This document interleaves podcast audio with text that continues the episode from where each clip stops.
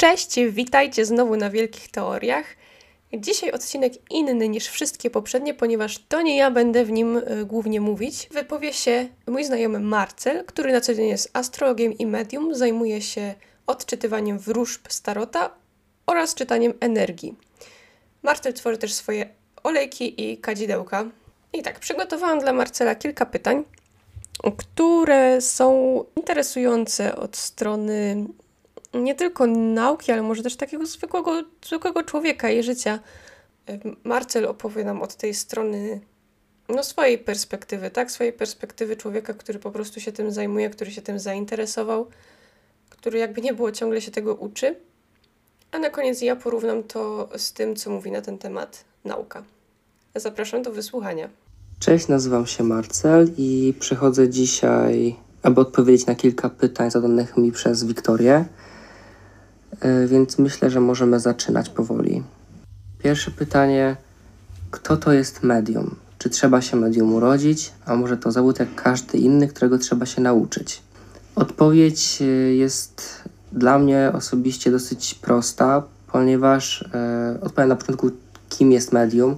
Medium to z założenia osoba kontaktująca się z duchami, duszami innymi energiami na płaszczyźnie astralnej podejmuje z nimi kontakt, aby odpowiadać ludziom w świecie fizycznym. E, czy medium trzeba się urodzić?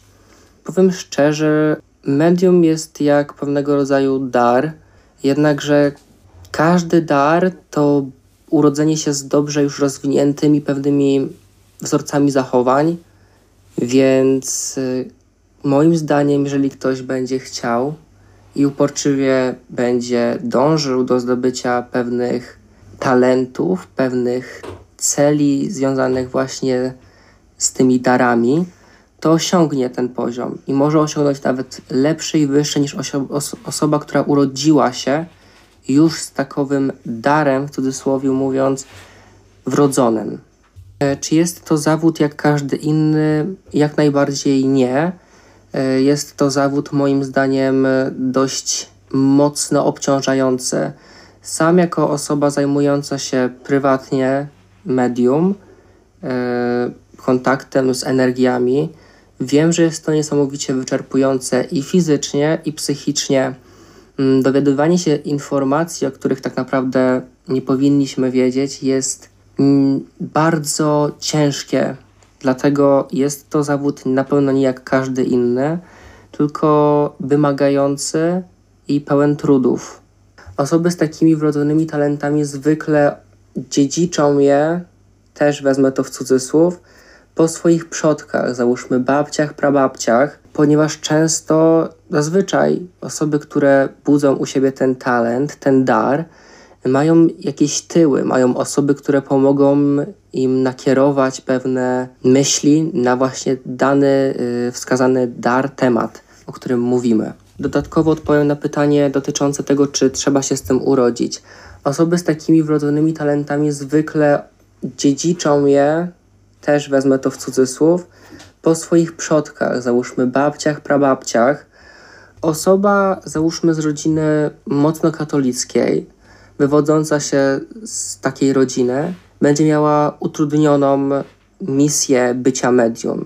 Jednakże wychodzę z tego założenia, że bardziej medium można być z wrodzonym darem niż z wyuczonym, gdzie wyuczenie się jest również możliwe, jednakże będzie to dużo trudniejsze.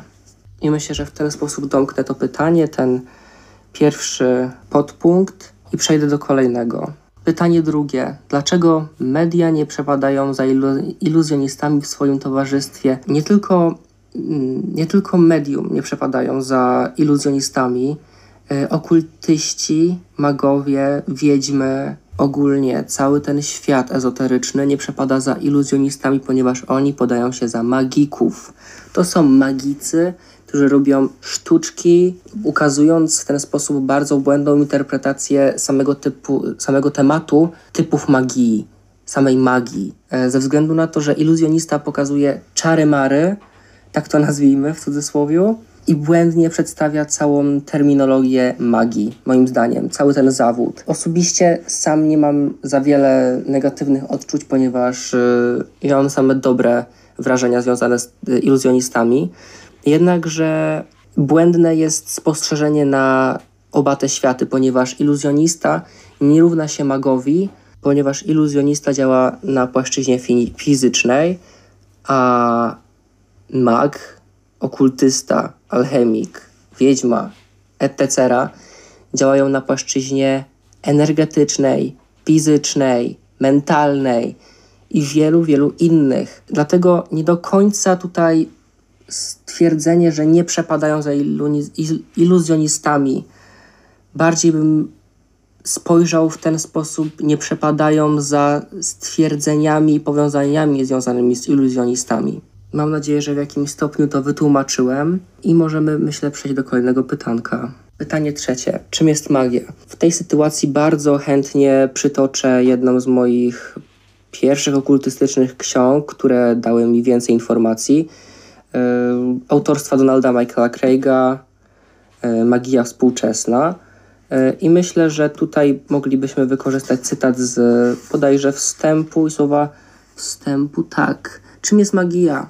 Magia jest procesem. Współczesna magia to również stanowiące rozwinięcie magii średniowiecznej, E, magia średniowieczna dotyczy starych grimoirów, ksiąg, zaklęć, zielarstwa, e, leczenia ludowego, legend, historii, symbolizmu e, szeroko rozumianego. Magia, magia to nic innego jak tak naprawdę okultyzm, czyli okulta z języka łacińskiego, coś ukrytego, okulta, ukryte. Okultyzm to wiedza ukryta, nic więcej. Wiedza ukrywana przed ludźmi lub po prostu niewykorzystywana w 100% i nieroz, nierozumiana przez większość bojaźliwych ludzi, którzy boją się wejść w ten świat, ponieważ boją się kary boskiej przede wszystkim. E, przytoczę tutaj również e, chociażby jedno z zakazów kościelnych. Przytoczę w tym momencie fragment z Pisma Świętego, jeden z moich ulubionych. E, nie znajdzie się pośród ciebie nikt, kto by przeprowadzał przez ogień swego syna lub córkę, uprawiał wróżby, gusła, przepowiednie i czary. Nikt, kto by uprawiał zaklęcia, pytał duchy i widma, zwracał się do umarłych. Obrzydliwy jest bowiem dla Pana każdy, kto to czyni. Z powodu tych obrzydliwości wypędza ich Pan, Bóg Twój, sprzed Twego oblicza. Dochowasz pełnej wierności Panu, Bogu swemu. Te narody bowiem, które Ty, wydziedziczysz, słuchały wróżbitów i wywołujących umarłych, lecz Tobie nie pozwala na to Pan Bóg Twój. W tym momencie osoby zajmujące się chociażby najzwyklejszym zielarstwem lub podstawową wróżbą z księżyca, chociażby nawet interesujące się astrologią albo nawet zwyczajną astronomią, już są zastraszone przez tego typu społeczność kościelną. Przez wiele lat y, towarzyszył mi strach związany właśnie z tego typu działaniami magicznymi. Jednakże potem przemogłem się i zrozumiałem tak naprawdę, co ma mi do powiedzenia Biblia, co ma mi do powiedzenia Koran i wszelkie inne święte księgi. Zrozumiałem, że wszystkie te religie są jedną i tą samą, tylko przetłumaczoną na dane społeczeństwo w odpowiedni sposób, odpowiednimi imionami. Magia łączy ona w sobie to, co najbardziej oczywiste w filozofii, z tym, co wieczne i niepodważalne w religii. I myślę, że w ten sposób możemy zakończyć tłumaczenie, czym jest magia. Zapamiętajmy sobie przede wszystkim to, że jest to okultyzm. Okultyzm, tak. Dodam jeszcze taką parawkę na koniec. Kościół nie chce, aby ludzie mocniej wchodzili w ten temat, ze względu na to, że zaczęliby rozumieć trochę więcej, na czym polega cała społeczność kościelna i co w ten sposób chcę przekazać. Sam, załóżmy, sama msza święta jest rytuałem, a jak przed chwilą się dowiedzieliśmy, osoby, które posługują się gusłami, będą zesłane do piekła, będą nieprowadzone przez Pana Boga. Nie chcieliby, żeby, żeby ludzie rozumieli, dlaczego na przykład dana świeca ma taki kolor, dlaczego ołtarz w kościele ma takie kwiaty w danym etapie roku, E, podpunkt drugi z pytania trzeciego. Osobiste doświadczenia, jakieś moce. no więc tak. E, wrócę do takiego stwierdzenia właśnie czym jest ta magia. To jest ten okultyzm. E, jest to działanie w świecie fizycznym na świat energetyczny. Wszystko ma swoją energię, wszystko ma swoją wibrację, więc to jest praca z tymi energiami i wibracjami. E, doświadczenia, codziennie mam takie doświadczenia i każdy z nas ma doświadczenia magiczne codziennie, chociażby w zwyczajnym oddechu. To jest magia sama w sobie, życie jest magią to jest styl życia, moim zdaniem. Mówiąc bardziej już osobiście, doświadczenia, jakie miałem. Osobiście wolę nie opowiadać o doświadczeniach, których nie mógłbym jakkolwiek udokumentować bądź udowodnić, więc pozostawię to pytanie chyba, chyba w tym momencie niestety w cieniu, bo wolę nie walić jakimiś e, przykładami bez pokrycia. Więc kolejny podpunkt z pytania trzeciego czy ma jakąś materię magia. E, magia, czyli okultyzm, czyli wiedza ukryta, czyli również wiedza nie, odkryta w jakimś stopniu to jest przez niektórych ludzi i rozumiana w odpowiedni sposób. Materialnie magia to na przykład wzrost drzewa. Drzewo ma swoją energię, drzewa się między sobą komunikują. My tego nie widzimy, ale to można odczuć na przykład przez dany las. W lesie można odczuwać zupełnie inny, inny, inny vibe niż na przykład w mieście albo na samym czystym, prostym polu bez drzew. W takiej sytuacji to również to jest materialne urzeczywistnienie magii. Magia to są rytuały, tak jak powiedziałem, z wykorzystaniem fizycznych yy, arty, artykułów, fizycznych punktów. Kolejne pytanie na temat talizmanów. Hmm, talizman. Co to jest talizman? Pytanie czwarte. Czy wszystko może być talizmanem? Talizman tak naprawdę odwoływałby mi się bardziej do sfery psychicznej człowieka. Talizmanem może być wszystko, jak najbardziej. E, tworzenie talizmanów polega na dobraniu odpowiednich produktów i ich e, wibracji. Załóżmy, osoba ma kamyk i uwierzy w to, że ten kamyk, ten talizman przynosi jej tak trwałą ochronę, jak trwały jest ten kamień, jako przykład podaję, to psychika danej osoby tak uformuje działania danej osoby, żeby ona się po pierwsze czuła bezpiecznie, a po drugie zachowywała w sposób, który nie będzie jej zagrażał w żaden, spo, żaden inny no, sposób. Dlatego talizman jest y, o tyle tutaj dla mnie tematem ciekawym. Dodam tutaj, y, że talizman, jak powiedziałem, produkuje się z różnych dobranych materiałów, ale to już jest dla osób, które są moim zdaniem bardziej w tym środowisku. Dlatego nie polecam nigdy nikomu kupowania talizmanów w stylu y, kup talizman z symbolem y, pentagramu na ochronę, bo osoba nie rozumie czym jest pentagram, nie rozumie całej, całej tej historii symbolu i po prostu go nosi. Może wydać te pieniądze, ale równie dobrze może zrobić sobie naszyjnik z kamyka. Tak naprawdę talizman to jest przedmiot mentalny, czyli przedmiot należący do osoby wpływający na jej psychikę. That's all. Piąte pytanie. W jakim celu stosuje się magię talizmanów? E, tak jak wspominałem, talizmany są różne. Mogą być ochronne, mogą być na wibracje pieniędzy, na wibracje szczęścia, miłości i wszystkiego, co sobie człowiek zachce. Ale talizmany można dobierać pod siebie i nie trzeba, tak jak powiedziałem, kupować ich można je zrobić samemu, można znaleźć kamyk w lesie albo cokolwiek. Talizman, na przykład, załóżmy, przy, y, najzwyklejszym przykładem jest y, miś dla dziecka. To jest jego talizman bezpieczeństwa. Dziecko przy takim przykładowym misiu czuje się bezpiecznie, czuje ciepło. To jest talizman, który mogę podać za przykład, gdzie wydaje mi się, że każdy miał w jakimś stopniu. Talizmanem może być obrazek ze świętym, może być to krzyżyk, talizmanem może być bransoletka, talizmanem może być ubranie, mogą być perfumy. Talizmany wykorzystuje się w różny sposób. Ale tak naprawdę wszystko zależy od tego, jak człowiek to sobie ułoży w głowie i to, jak do tego podejdzie. Ktoś, kto zawierzy się talizmanowi, moim zdaniem jest w jakimś stopniu nie w jakim stopniu jest bardzo zagubiony. Zawierzanie się przedmiotom jest nieodpowiedzialne i bardzo małostkowe. Sam korzystam z talizmanów, ale jako pomocnicze punkty w życiu, yy, pomagające mi wejść na odpowiednią wibrację, albo bardziej mówiąc w psychologii, na odpowiedni nurt myślenia. Pytanie szóste: czemu ludzie udają się do medium? Dlaczego to robią? Ja miałem przykład w swoim życiu, że przyszła do mnie osoba, która chciała się skontaktować bardzo ze swoją mamą, która odeszła parę tygodni wcześniej i potrzebowała dowiedzieć się kilku rzeczy. No i po to przyszła, i zazwyczaj po to przychodzą ludzie do medium, aby poznać odpowiedzi dotyczące pytań do osób, które już niestety nie żyją. Tym się zwykle zajmują medium, ale również odprowadzają duszę, energię bardziej, tak bym stwierdził, energię. Energia to dusza. Dusza to energia, świadomość to energia, wszystko jest energią.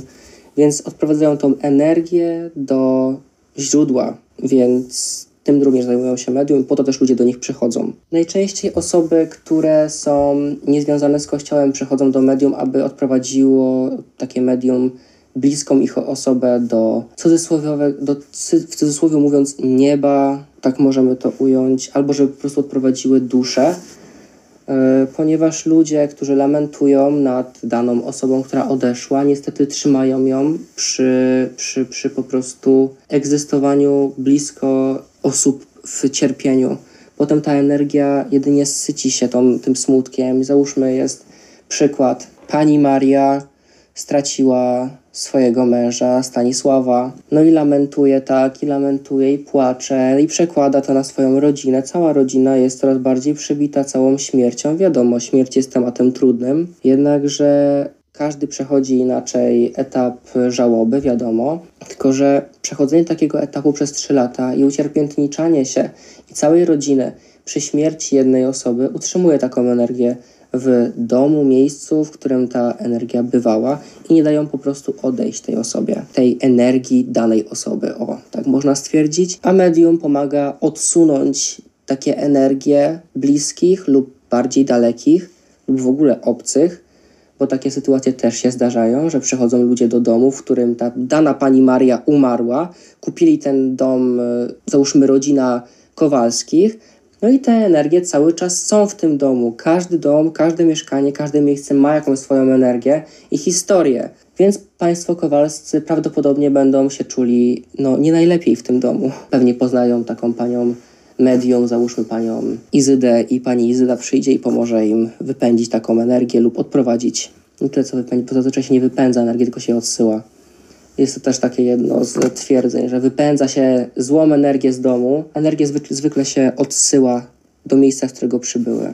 W medium można również oczywiście poruszyć w tym temacie medium, poruszyć temat znowu magii, która jest tak naprawdę nauką i sztuką powodowania zmian. To jest też magia, tak dodając. Medium wprowadza zmiany do załóżmy takiego domu. E, zazwyczaj takie zmiany wchodzą najbardziej w świadomość osób, które doznały jej. Dlatego Zazwyczaj występują one w zgodzie z tworzącym, w zgodzie z ludźmi, którzy doświadczali tego. No, chyba że spotykamy się tutaj z, załóżmy, wampirem energetycznym albo załóżmy ciemną wiedźmą, tak ją nazwijmy, albo stosującą magię ciężką, czarną, negatywną. Znaczy nie, niezwykle czar... zazwyczaj czarna magia nie jest aż taka negatywna, jak się mówi, ale to tu już podajemy bardzo skrajny przykład to wtedy też ludzie to odczuwają. To są zmiany w świadomości, na tym polega magia. Magia także to jest taka wewnętrzna autoterapia, która pomaga się zmagać z wieloma trudami w życiu. Mi ten temat pomógł wyjść y, z bardzo różnych stanów emocjonalnych, z bardzo trudnych sytuacji życiowych. Dlatego polecam styl życia właśnie w ten sposób i ja go będę kultywował, myślę, jak najdłużej, ponieważ on rozwija bardzo wprowadza wiedzę, nową wiedzę i nową świadomość do Twojego życia. Ludzie dookoła się zmieniają. Ty się zmieniasz na lepsze dla siebie. Programujesz swoje życie. To jest magia, wprowadzenie zmian do świadomości świata zewnętrznego. Kończąc pytanie szóste, czemu ludzie udają się do medium, dodam od siebie, dlaczego ludzie przychodzą do tarocistów, energoterapeutów i tak dalej. Po pierwsze, bardzo często z ciekawości. Po drugie, aby poznać lepiej siebie. I po trzecie, aby wprowadzić zmiany do swojego życia, zazwyczaj pozytywne.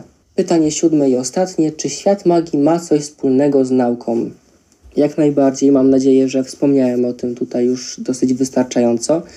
E, świat magii, okultyzmu to nic innego jak zgłębianie swojej świadomości, psychiki. To jest nawiązanie do nauki związane z psychologią, nawiązuje niesamowicie mocno do świata fizyki, bardzo mocno do kosmosu, czyli no, fizyka, astronomia, Jest to świat alchemii, czyli to jest alchemia to taki pierwowzór obecnych nauk. Nie bierze się go teraz pod uwagę jako nauki, ponieważ nie, nie do końca niektóre z test się zgadzają i zostały obalone, z czym również się zgadzam. Nauka tak naprawdę w magii to coś bardzo istotnego. Nauka na temat biologii danych roślin, na temat biologii człowieka, na temat mózgu, biologii mózgu, biologii całego ciała. E, energoterapeuci, dobrzy energoterapeuci muszą znać biologię organizmu na wskroś, wszystkie punkty, najmniejsze nerwy, aby poznawać energię tych punktów, rozpoznawać je. Fizyka to jest samo działanie z energią, właśnie jej zmiany, jej przyspieszanie lub spowalnianie, wchodzenie na świat fizyczny, właśnie dzięki umysłowi, który tak naprawdę jest światem mentalnie energetycznym, przejawia się on właśnie także w nauce tej psychologii, która pomaga nam urzeczywistniać nasze myśli, nasze życie. Tym również jest magia. Magia ma niesamowicie wiele wspólnego z nauką. Jest to przede wszystkim nauka.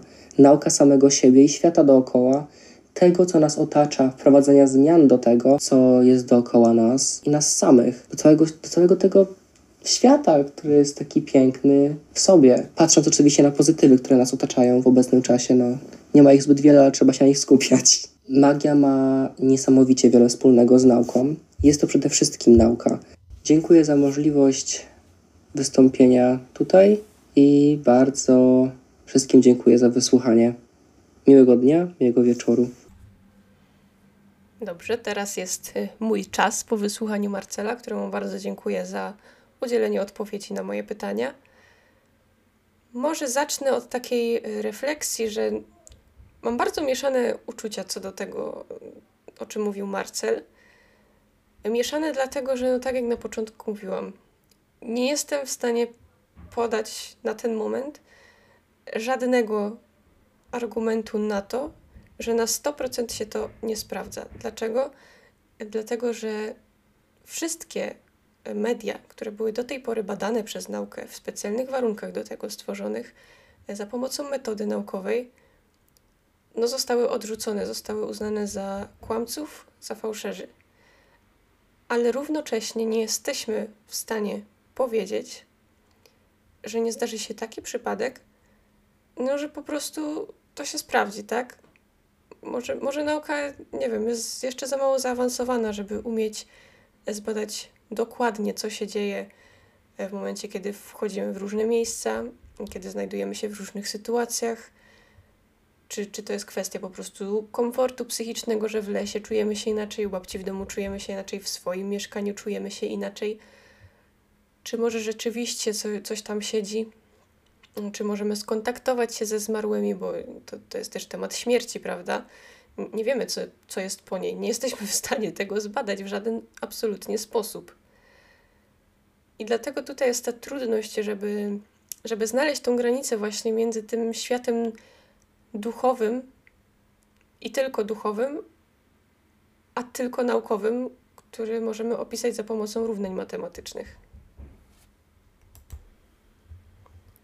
Ja też myślę, że w momencie, kiedy ludzie posiedliby nieskończoną wiedzę i wiedzieliby dokładnie wszystko, i nawet wiedzieliby to, że już niczego więcej nie wolno, nie, nie da się wiedzieć, bo już niczego więcej nie ma, to zaczęłyby się dziać po prostu straszne rzeczy.